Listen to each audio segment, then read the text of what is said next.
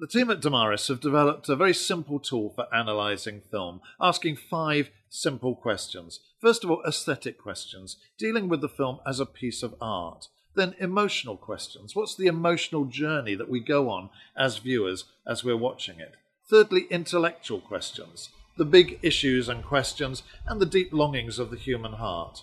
Fourthly, moral questions about right and wrong. What does the film say about how we decide on our ethics? And then lastly, spiritual questions. What does the film help us to think about our spirituality in terms of our beliefs, our attitudes, and our actions? Now, now that tool can be used by anybody, people of all faiths and none.